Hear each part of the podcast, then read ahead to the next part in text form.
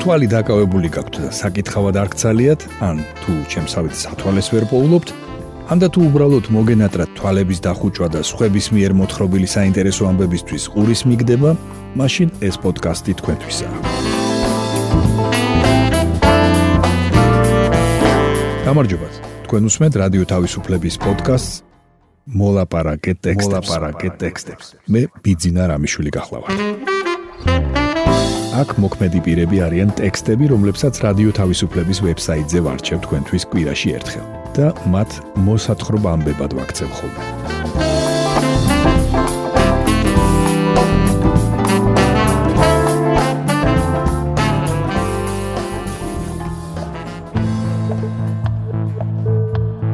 დღეს გაგაცნობთ ფსიქოლოგის მოსაზრებებს ბათუმში მომხდარი უბედური შემთხვევის შესახებ. მოგითხრობთ სამაგიეროს გადახდის კანონზე ირანში. გესაუბრებით ვილა ალოიზზე, რომელიც სოხუმში მდებარეობს.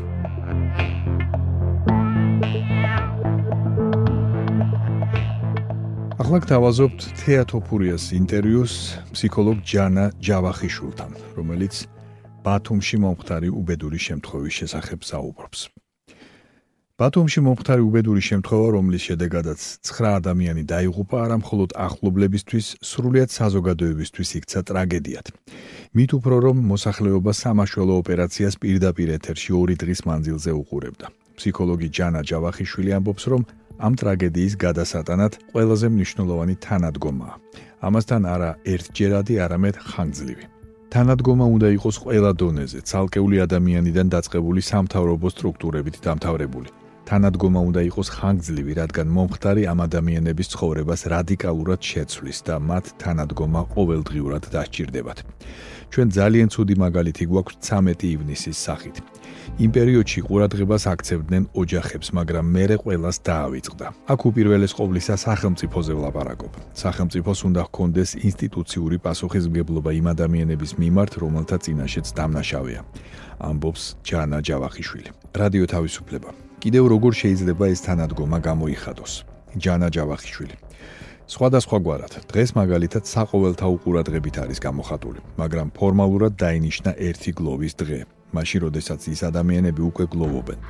იმის მაგივრად რომ ფაქტის კონსტატაცია მომხდარიყო, რომ საქართველოს დღეს გლოვობს, დაინიშნა გლოვის დღე რამდენიმე დღის შემდეგ. ეს ძალიან ირონიულია. რადიო თავისუფლება თუმცა მეორე მხრივ გადადეს ან გააუქმეს ძალიან ბევრი ღონისძიება. ფეხბურთის მატჩი მაყურებლების გარეშე ჩატარდა. გაუქმდა თბილისობის დღესასწაული. პოლიტიკურმა პარტიამ თავისი ღონისძიებები გადადო. ჯანა ჯავახიშვილი. ესეც არ არის საკმარისი. რა შეიძლება გაკეთდეს ამ ხალხის პატივსაცემად? უნდა მოხდეს ისეთი ცვლილებები, რომლებიც მომავალში მსგავს შემთხვევებს შეამცირებს. ამის კულტურა ჩვენში არ არის. 2015 წლის წყალდიდობის მერე კვლავ გაიცემა იმ ხეობაში სახლების მშენებლობების ნებართვები. ახლაც დაიჭირეს მუშები, რომლებიც ამ სისტემურ პრობლემებთან მიმართებით მთავარი დამნაშავეები არ არიან, ან შეიძლება საერთოდ არც არიან დამნაშავეები. განტევების ვაცის ძიებით თუ წავიდა პროცესი, ეს არ იქნება არც თანადგომა, არც აღიარება და რაც მთავარია, მომავალშიც არაფერი შეიცვლება. რადიო თავისუფლება. მეორე მხრივ თუ ავიღებთ საზოგადოებას, ბევრს თითქოს საკუთარი თავი მოსწონს ამ გლოვაში. ბევრს ლაპარაკობს იმაზე თუ რა განიცა და როგორ შეწუხდა. თითქოს ის არის მთავარი ჭირისუფალი და არა ის, ვინც მართლა ჭირისუფალია. ჯანა ჯავახიშვილი. ყველას თავისი გამოხატვის ფორმა აქვს. ანტიკური დროიდან ვიცით, რომ ტრაგედია ხალხს იზიდავს. მაგრამ რასაკვირველია ამ დროს უნდა ვიფიქროთ იმ ადამიანებზე, ვისაც ეს შეეხო. მაგალითად დღეს შემაძრწუნა იმ ფაქტმა, რომ სოციალური ქსელით გავრცელდა ფოტო ერთ-ერთი გადარჩენილისა, რომელიც ძალიან მძიმე მდგომარეობაში იყო. შეიძლება შემდეგ შეხვდეს მას ეს ფოტო სადმე და ძალიან განიცადოს. ჩვენი თავი უნდა დავაყენოთ მათ მდგომარეობაში. ჩვენ ეს მოგვეწონებოდა? რადიო თავისუფლება. როდესაც ნანგრევებში კარგავ ადამიანს, რომელიც შესაძლოა მთელი ცხოვრების აზრი იყო, როგორ უნდა შეიფსოს ეს დანაკლისი. ჯანა ჯავახიშვილი. ძალიან მძიმე ტვირთია, მაგრამ ამ ადამიანს მის გარემოცვას აქვს დიდი პოტენციალი გაუმკლავდეს. თუ როგორ ამას ჩვენ ვერც გადავწყვეთ და ვერც ვიწინასწარმეტყველებთ. ამ ადამიანს თავისი გზა ექნება. რადიო თავისუფლება. სოციალურ ქსელებში ყველა ითხოვს ეს ფაქტი სისტემური ცვლილებების დასაწყისი გახდეს. მაგრამ ხომ არ არის ეს ერთგვარი ორთქლის გამოშვება, რომელიც რეალურ ქმედებაში არ გადაიზრდება. ჯანა ჯავახიშვილი დღეს ბევრი ლაპარაკობს იმაზე, რომ საძირკვლის გამოცვლა მეტაფორაა და მართლაც საძირკველი ეცლება სახელმწიფოს, მაგრამ როდესაც არჩევანია გასაკეთებელი, იმძლავრებს ხოლმე ეს ნასწავლი უსუსურობა, ასე ქვია ფსიქოლოგიურად და არ მიდიან არჩევნებზე. ან მიდიან და კლავ შეჩოულ ჭირს აძლევენ ხმას. მოკლედ კი, გვაქვს პრობლემები საზოგადოებაში, მაგრამ იმედია რესურსიც გვაქვს, რომელიც საშუალებას მოგცემს ამ გამოწვევებს ღირსეულად ვუპასუხოთ. უთხრა ფსიქოლოგმა ჯანა ჯავახიშვილმა რადიო თავისუფლებას. მასთან ინტერვიუ თეატოფურიამ აიღო.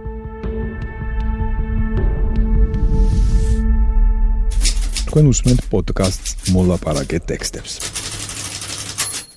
შემდეგი სტატიის სათაურია თვალი თვალის წილ, დაბრმავების განაჩენი და ირანული სამაგიეროს გადახდის კანონი.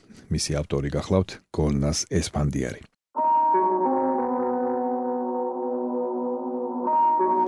თეირანის სასამართლომ დაბრმავების განაჩენი გამოუტანა კაც სამაგიეროს გადახდის შესახებ ისლამური კანონის საფუძველზე, რომელიც ემყარება პრინციპს თვალი თვალისაწილ. მამაკაც ბრალი ედებოდა ჭხუბისას თავისი მეზობლის დაბრმავებაში. მსგავს საქმეებში ასეთი განაჩენი იშვიათია, რადგან დაზარალებული ჩაულებრივ კომპენსაციას თანხმდება, მაგრამ ამ შემთხვევაში დაზარალებულმა მოითხოვა პირდაპირ გაგებით თვალი თვალისაწილ. სასამართლოს იშვიათი დადგენილების საფუძველზე ირანელ კაცს, რომელმაც თავისი მეზობელი 2018 წელს ჩხუბისას დააბრმავა, დაბრმავება მიესაჯა ისლამური კანონის თვალი თვალისაწილ საფუძველზე. დაბრმავების განაჩენი იშვიათად გამოტანილა ირანში, სადაც ეს ისლამური კანონი 1979 წლის ისლამური რევოლუციის შემდეგ აღადგინეს. ისლამური კანონის მიხედვით ფიზიკური სასჯელის გამოყენება, რომელიც მოიცავს გაროზგვას, ამპუტაციას და დაბრმავებას, დავის საგანია ირანში, სადაც ბევრი ადამიანი აკრიტიკებს მსგავს ზომებს, როგორც არაჰუმანურს და სასტიკს. უფლებადამცველი ჯგუფები აცხადებენ, რომ მსგავსი სასჯელი არღვევს საერთაშორისო სამართლის ნორმებს და მსჯავრდებულთა მიმართ წამებასა და სასტიკ მოპყრობას უტოლდება. დაბრმავების შესახებ ეს დადგენილება თეირანში ირანული მედიის მიერ გავრცელდა 9 ოქტომბერს. უცნობია თვითონ სასამართლომ როდის მიიღო გადაწყვეტილება. დამნაშავემ, რომლის ვინაობაც არ სახელდება, განაცხადა, რომ როცა მეზობელს დანით დაესხა თავს, მისი დაბრმავების განზრახვა არ ჰქონდა. მაგრამ დაზარალებულმა თქვა, რომ ის არ იყო მზად შენდობისთვის და ფინანსურ კომპენსაციას არ დათანხმდებოდა.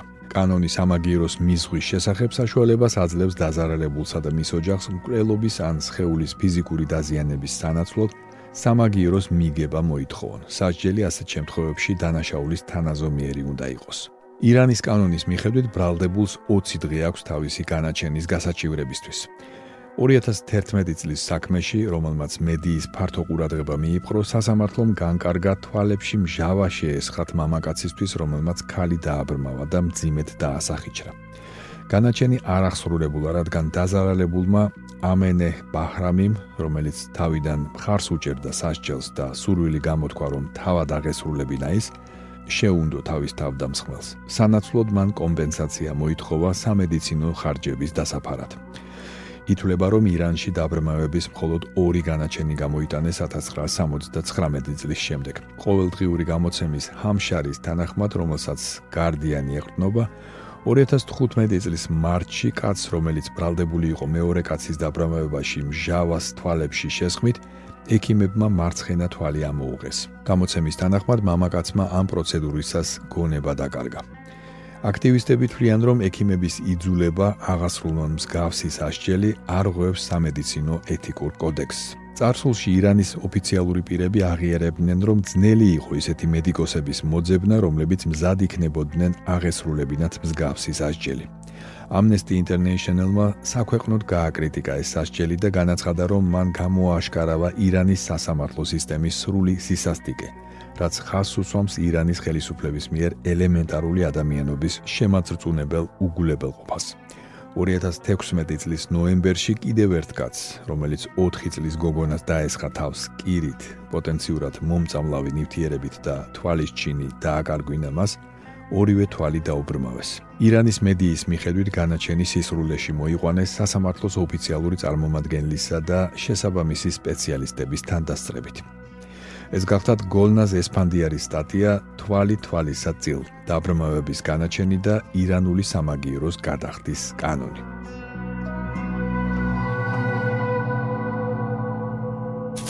თქვენ უსმენთ პოდკასტს მოლაპარაკე ტექსტებს. რადიო თავისუფლების სოხუმელი კორესპონდენტის დარია პაბას სტატიას გთავაზობთ, რომლის სათაურია ვილა ალოიზი.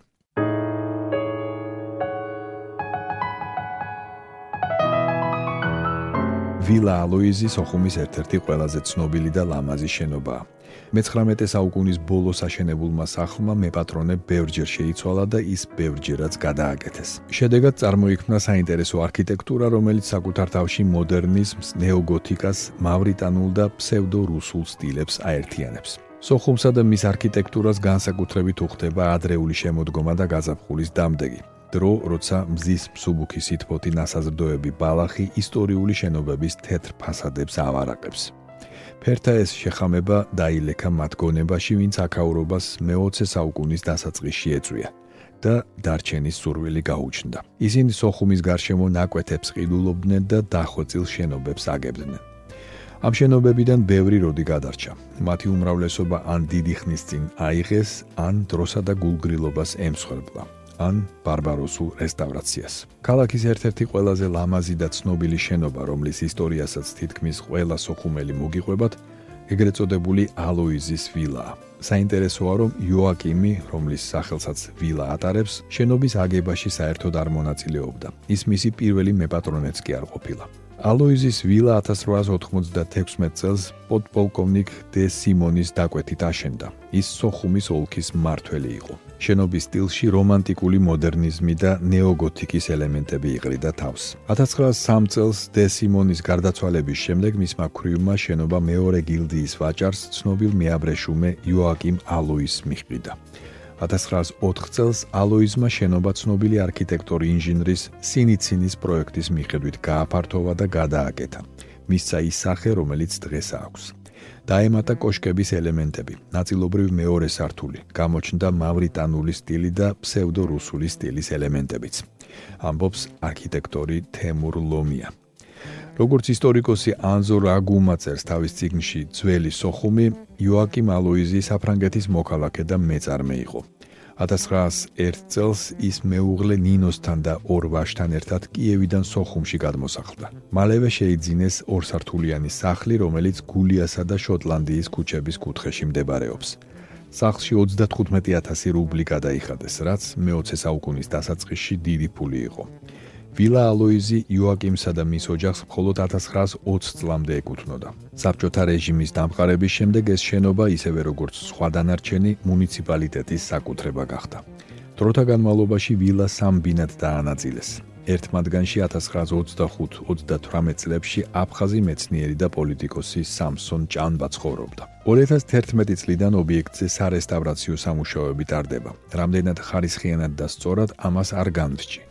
მაგრამ არის დეტალები, რომლებიც მაშფოთებს. თუ სწორად მახსოვს, 2013 წელს მხატვარმა არქივ ლაბახუამ საკუთარი ხელით რესტავრირებული პირველი სართულის ფანჯარა მაჩუკა. ის ურდულის ელემენტებით იყო. მითხრა, რომ რამდენიმე კვირა შენობის გვერდით სამშენებლო ნაგავთან იდო. თუ შენობის ფასადის ელემენტებს ასე ეპყრობიან, მაშინ შენობის შიგნით რაღა მოხდება.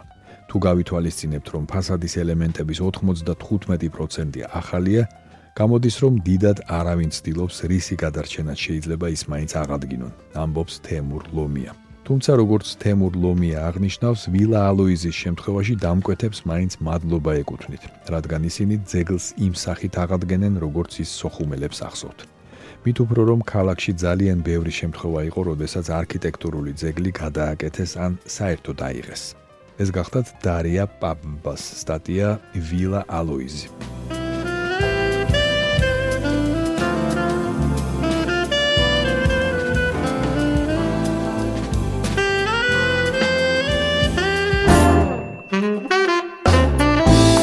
თქვენ მოისმინეთ რადიო თავისუფლების პოდკასტი მოლაპარაკე ტექსტები. მე კვირაში ერთხელ ვარჩევ რადიო თავისუფლების ვებსაიტზე გამოქვეყნებულ ტექსტებს და მათ მოსათხრობამდებად ვაქცევ ხოლმე. ჩვენი პოდკასტი შეგიძლიათ გამოიწეროთ, ჩამოტვირთოთ ან მოისმინოთ პირდაპირ რადიო თავისუფლების ვებსაიტზე. მისი მისამართია თავისუფლება.ge. თუ ჩემი მიერ მოთხრობილი ტექსტები სრული სახით დაგაინტერესებთ, მათი მოძებნა იულია. ვებსაიტზე, პოდკასტის გვერდზე იპოვით ყოველ ცალკეულ პროგრამაში მოთხრობილი ტექსტების ბმულებს. მე ბიძინა რამიშვილი ვარ. მომავალ შეხვედრამდე.